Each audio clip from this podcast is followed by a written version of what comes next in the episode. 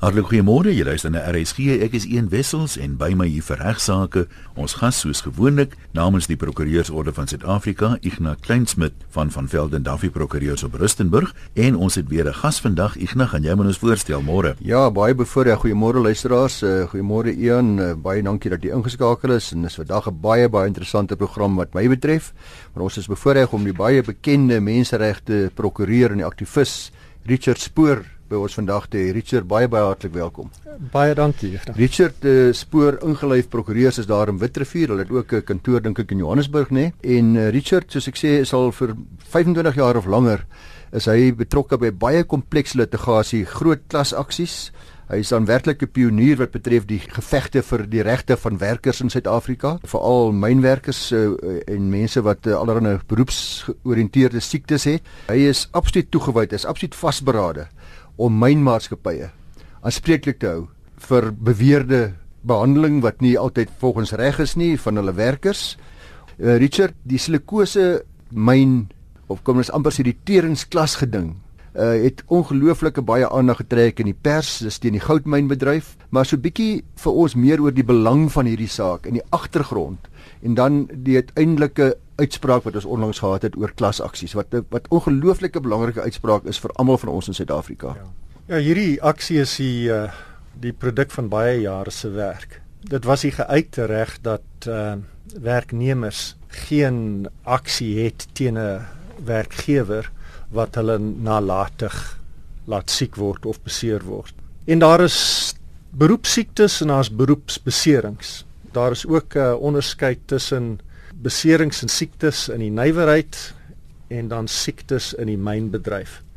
Weet jy Suid-Afrika het 'n baie lang geskiedenis van uh mynbou en myntering soos dit bekend was, uh, bekend gestaan het. Ja. Is is is 'n uh, 'n probleem wat uh, nou baie meer as 100 jaar sy kop uitsteek. Vir dekades lank was dit net aanvaar dat dit is maar een van die dinge as jou pa in 'n myn gaan werk dan gaan hy siek word, gaan hy uiteindelik sterwe en uh, dit is maar een van die dinge wat gebeur as jy op 'n goudmyn of 'n steenkoolmyn ja. werk. Met die nuwe grondwet het die spasie geopen, die regsspasie geopen om om om daai situasie uh, bietjie aan te spreek. Die feit dat daar geen regsaanspreeklikheid is, beteken eintlik dat werkgewers nou nie eintlik 'n belang het om die probleem aan te spreek. Hmm. Veral omdat die die die probleem draai om ventilasie in die myne. En ventilasie veral in diep ondergrondse myne soos ons goudmyne is ontsettend duur.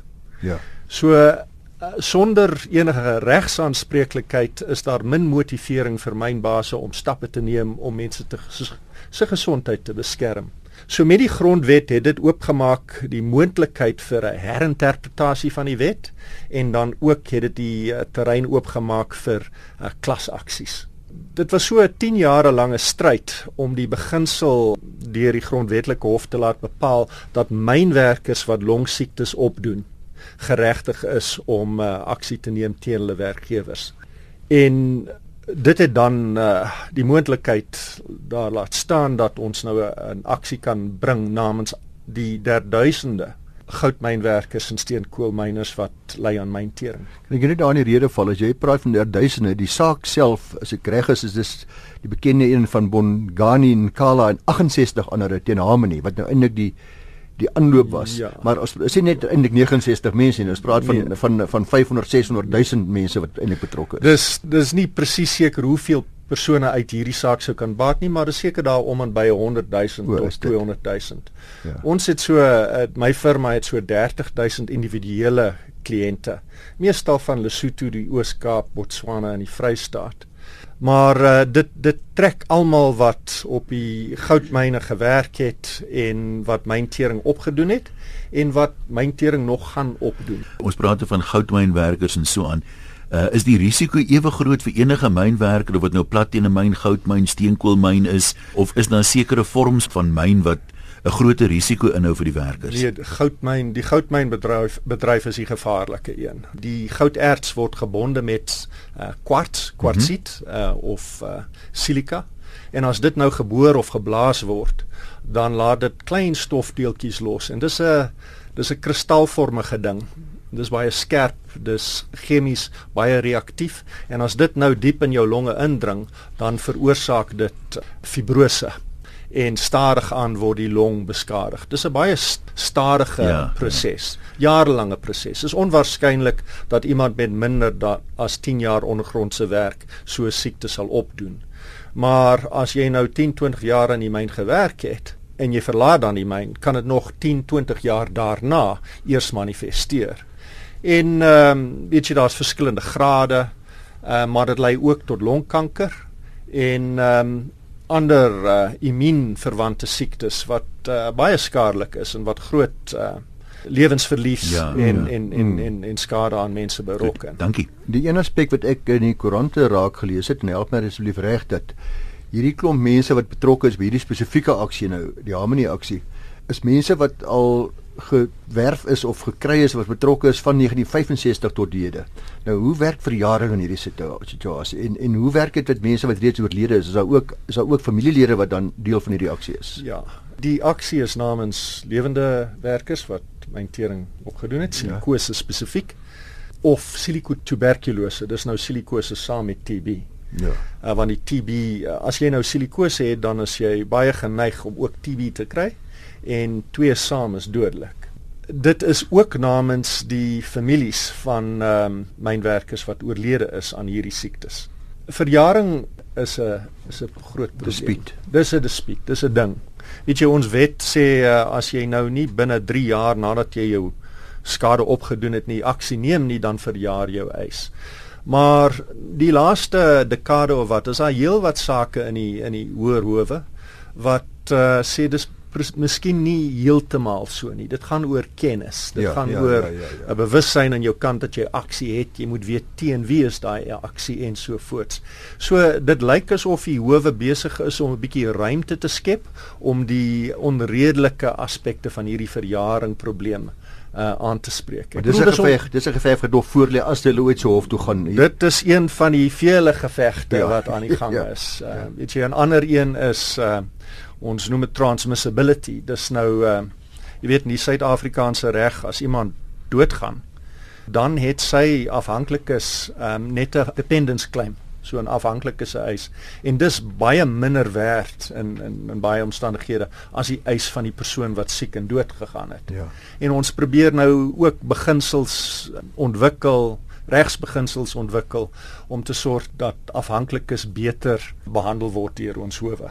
En my indruk is uh, Richard uh, weer eens is dit net 'n indruk van buite af dat uh, nadat die klasaksie deur julle gewen was of die sertifisering van 'n klasaksie ja. en moontlikheid daarvan gewen was, die myne tog so 'n bietjie tafel toe gekom het dat daar daar daar's 'n moontlikheid van skikking, daar's ja. onderhandelinge. Dis nou al vir my 16 'n ja.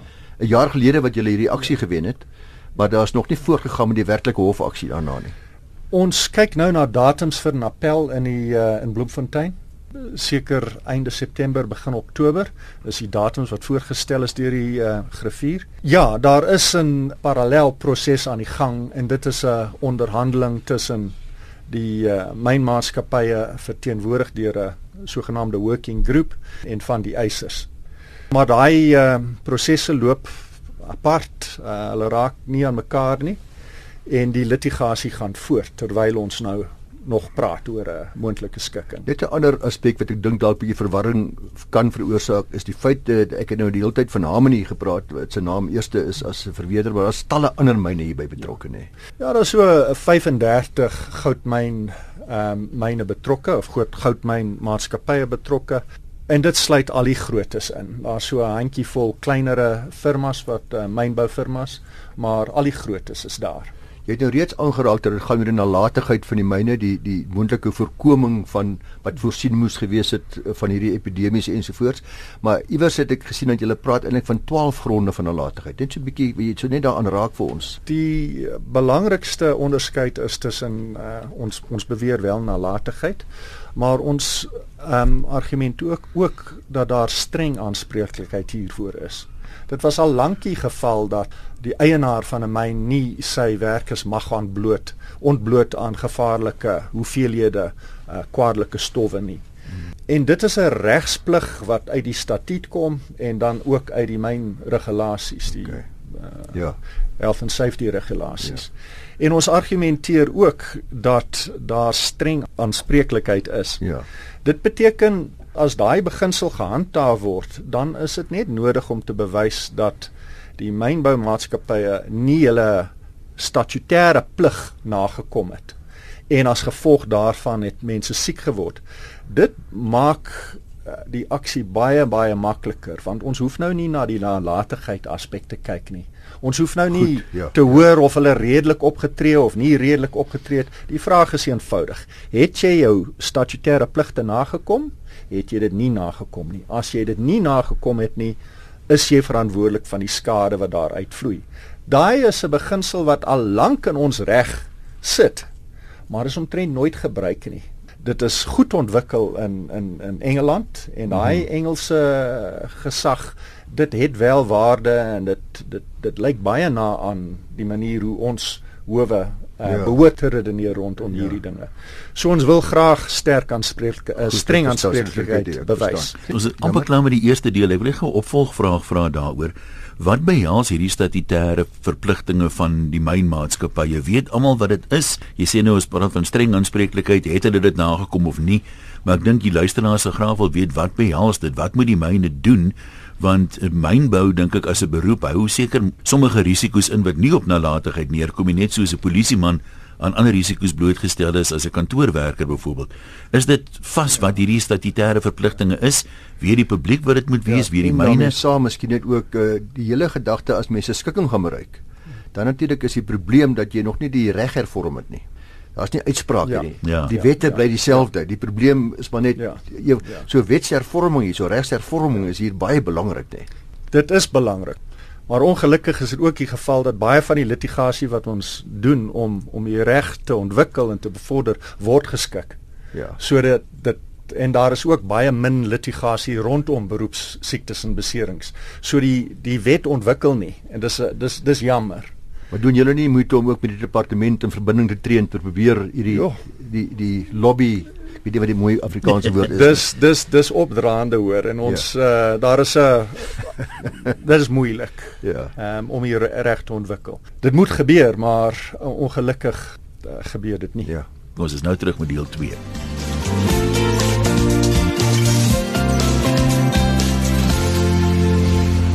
Welkom terug by Regsake. As jy nou net ingeskakel het, Ignas Kleinsmid is aan die gesels met Richard Spoor en ons onderwerp vandag klasaksie spesifiek wat uh, mynwerkers betref vir uh, blootstelling aan uh, gevaarlike stowwe, siektes wat hulle opdoen as gevolg daarvan en hoe hierdie aksies dan saamgevoeg word in een hofsaak. Net vir ons breek het ek uh, vir Richard gevra en ons nog nie kans gehad om daarop te antwoord nie. Wat moet die mynmaatskappye doen om werkers te beskerm? Jy het nou gesê die gewone nalatigheidsbeginsels geld nie noodwendig nie daar statutêre verpligtinge, maar weet die maatskappye wat hulle moet doen of is hulle onwillig om te doen wat algemeen aanvaar word as dis die veiligheidsmaatreëls wat getref moet word? Ja.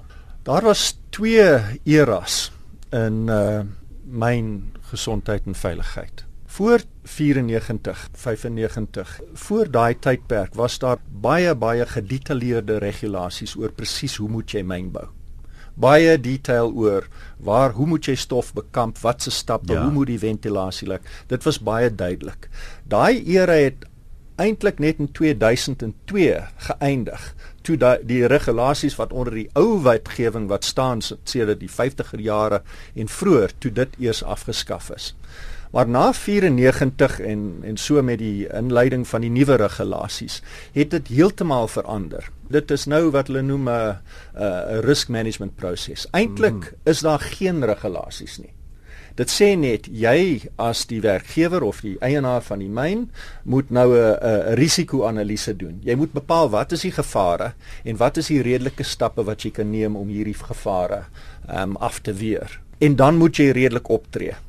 Daar is baie min voorskrifte wat sê presies wat moet jy doen.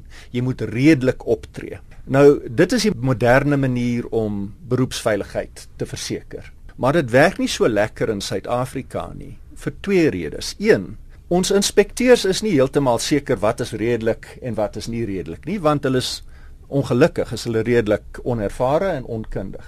Maar die tweede ding is omdat daar geen regsgedinge rondom hierdie issues gaan, word die maatstaf van wat is redelik en wat is nie redelik nie, mm. word dit nooit deur die howe bepaal. Mm. So as jy kyk na verkeersongelukke, ek bedoel daar is nie 'n ongeluk wat plaasvind waar dit nie moontlik is om te sê wie was nou die nalatige bestuurder, wie is nalatig. Maar as jy dit nou neem in die konteks van 'n van 'n myn of 'n groot nywerheid uh, petrochemiese bedryf. Wat is redelik en wat is nie redelik nie? Daar is geen standaarde, daar is geen norme nie en die howe word nooit gevra om te bepaal wat is daai standaard. So dit beteken eintlik dat niemand ooit skuldig gevind word vir 'n oortreding ja, van die die veiligheidswetgewing nie. Koste moet verseker ook 'n komponent van redelikheid wees. Ek meen as 'n mens nou 'n miljoen rand kan spandeer om iets te voorkom, is dit seker meer redelik dat jy dit sal doen as wanneer jy honderde miljoene moet spandeer om iets wat 'n kleiner waarskynlikheid het te voorkom. So dis moeilik om dit in te werk in die dinge wat almal wil maar geld spaar, jy weet. Precies. Is dit sinvol om al daai geld te spandeer ja, om net 'n ja. klein verbetering te weer te bring? Die probleem in Suid-Afrika is ons ons ongevalle vergoedingsstelsel is gebepaal daar is 'n tarief wat jy elke maand betaal per werker. Jy betaal daai bedrag en as jy nou een persoon in die myn gaan dood per jaar of 10 gaan dood of een word siek of 100 word siek, maak dit omtrent geen verskil nie. Jy betaal net dieselfde bedrag. So dis verseker.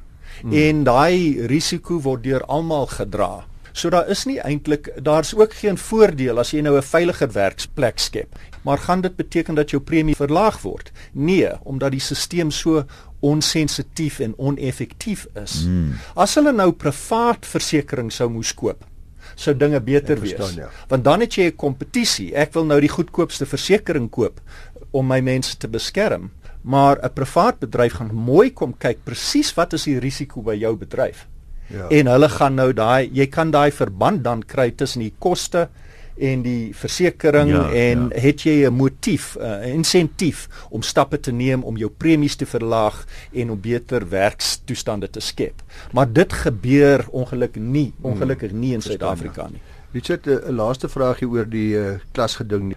Jy het nou nou gemeld dat by julle firma is daar al 30000 mense wat moontlik deel kan vorm van hierdie skikking waarmee julle op die oomblik probeer. As daar nog mense is wat luister vandag, wat voel hulle kwalifiseer dalk om deel van hierdie uh, aksie te wees, deel van hierdie klas te wees.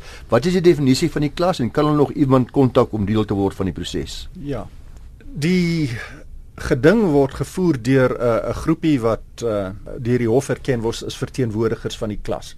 So dis so 28 individue wat nou die klas se belange verteenwoordig in die litigasie. Maar dit is moontlik vir uh, persone wat nog wil deelneem. Dis nou veral mense wat in die uh, goudmynbedryf gewerk het en wat silikose opgedoen het. Hulle kan aansluit deur my firma te kontak hier in Johannesburg en ons sal hulle registreer, hulle sal hulle vorms invul en as die ding nou afgehandel word of geskik word, sal hulle dan uh, prioriteit geniet met die uh, implementering van enige skikking wat bereik word. Die adres wat hulle kan kontak, die webwerf of die of die, die e-posadres, het jy dit dalk? Ek dink as hulle net op die um, internet sal gaan kyk vir um, goldminersilicosis.co.za okay. sal hulle daar al die inligting kry wat hulle soek. So dis goldminersilicosis.co.za. Sou daar 'n skikking bereik word, Richard, net mense wat op daai stadium geregistreer is, sal kan voordeel trek daaruit of kan mense agterna dan ook nog vergoed word op 'n manier. Daar moet tog 'n afsnypunt wees wat mense sê om 'n skikking te kan bereik om dit goed te kan bereken. Is dit nou die aantal mense waarvan ons praat?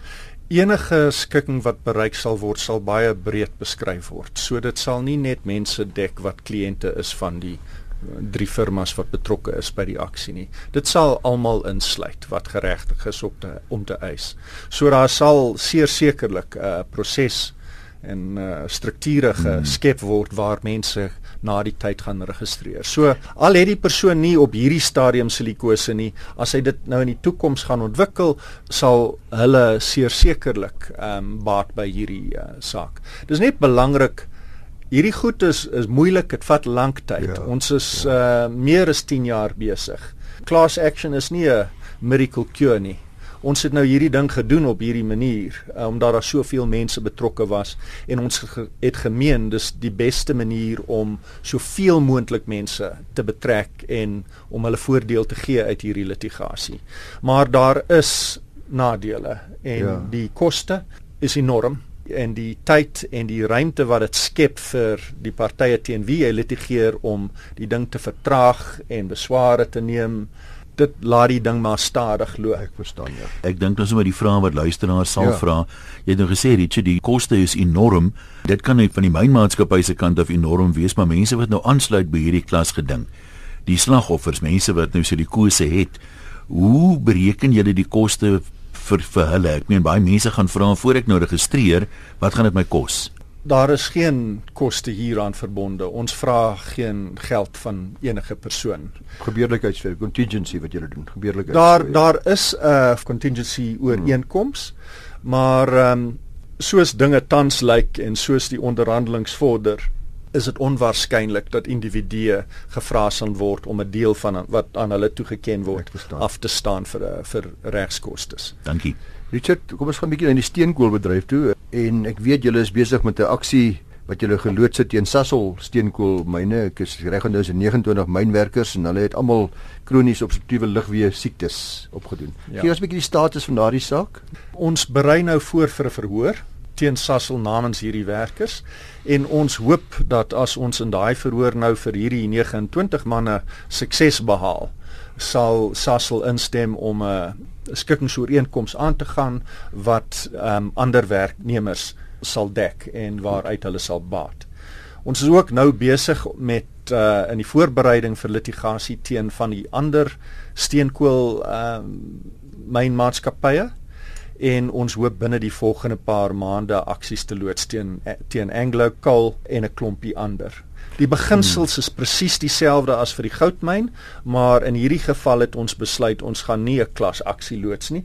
Ons gaan dit maar beperk tot individue, maar dan hoop ons hoop ons om daai uh, daai aksies te leverage vir 'n skikking. En dit lyk vir my hmm. as ons nou iets in die goudmyn kan skik, dan sal ons seker sekerlik hmm. iets in die steenkoolbedryf kan skik. Ek verstaan.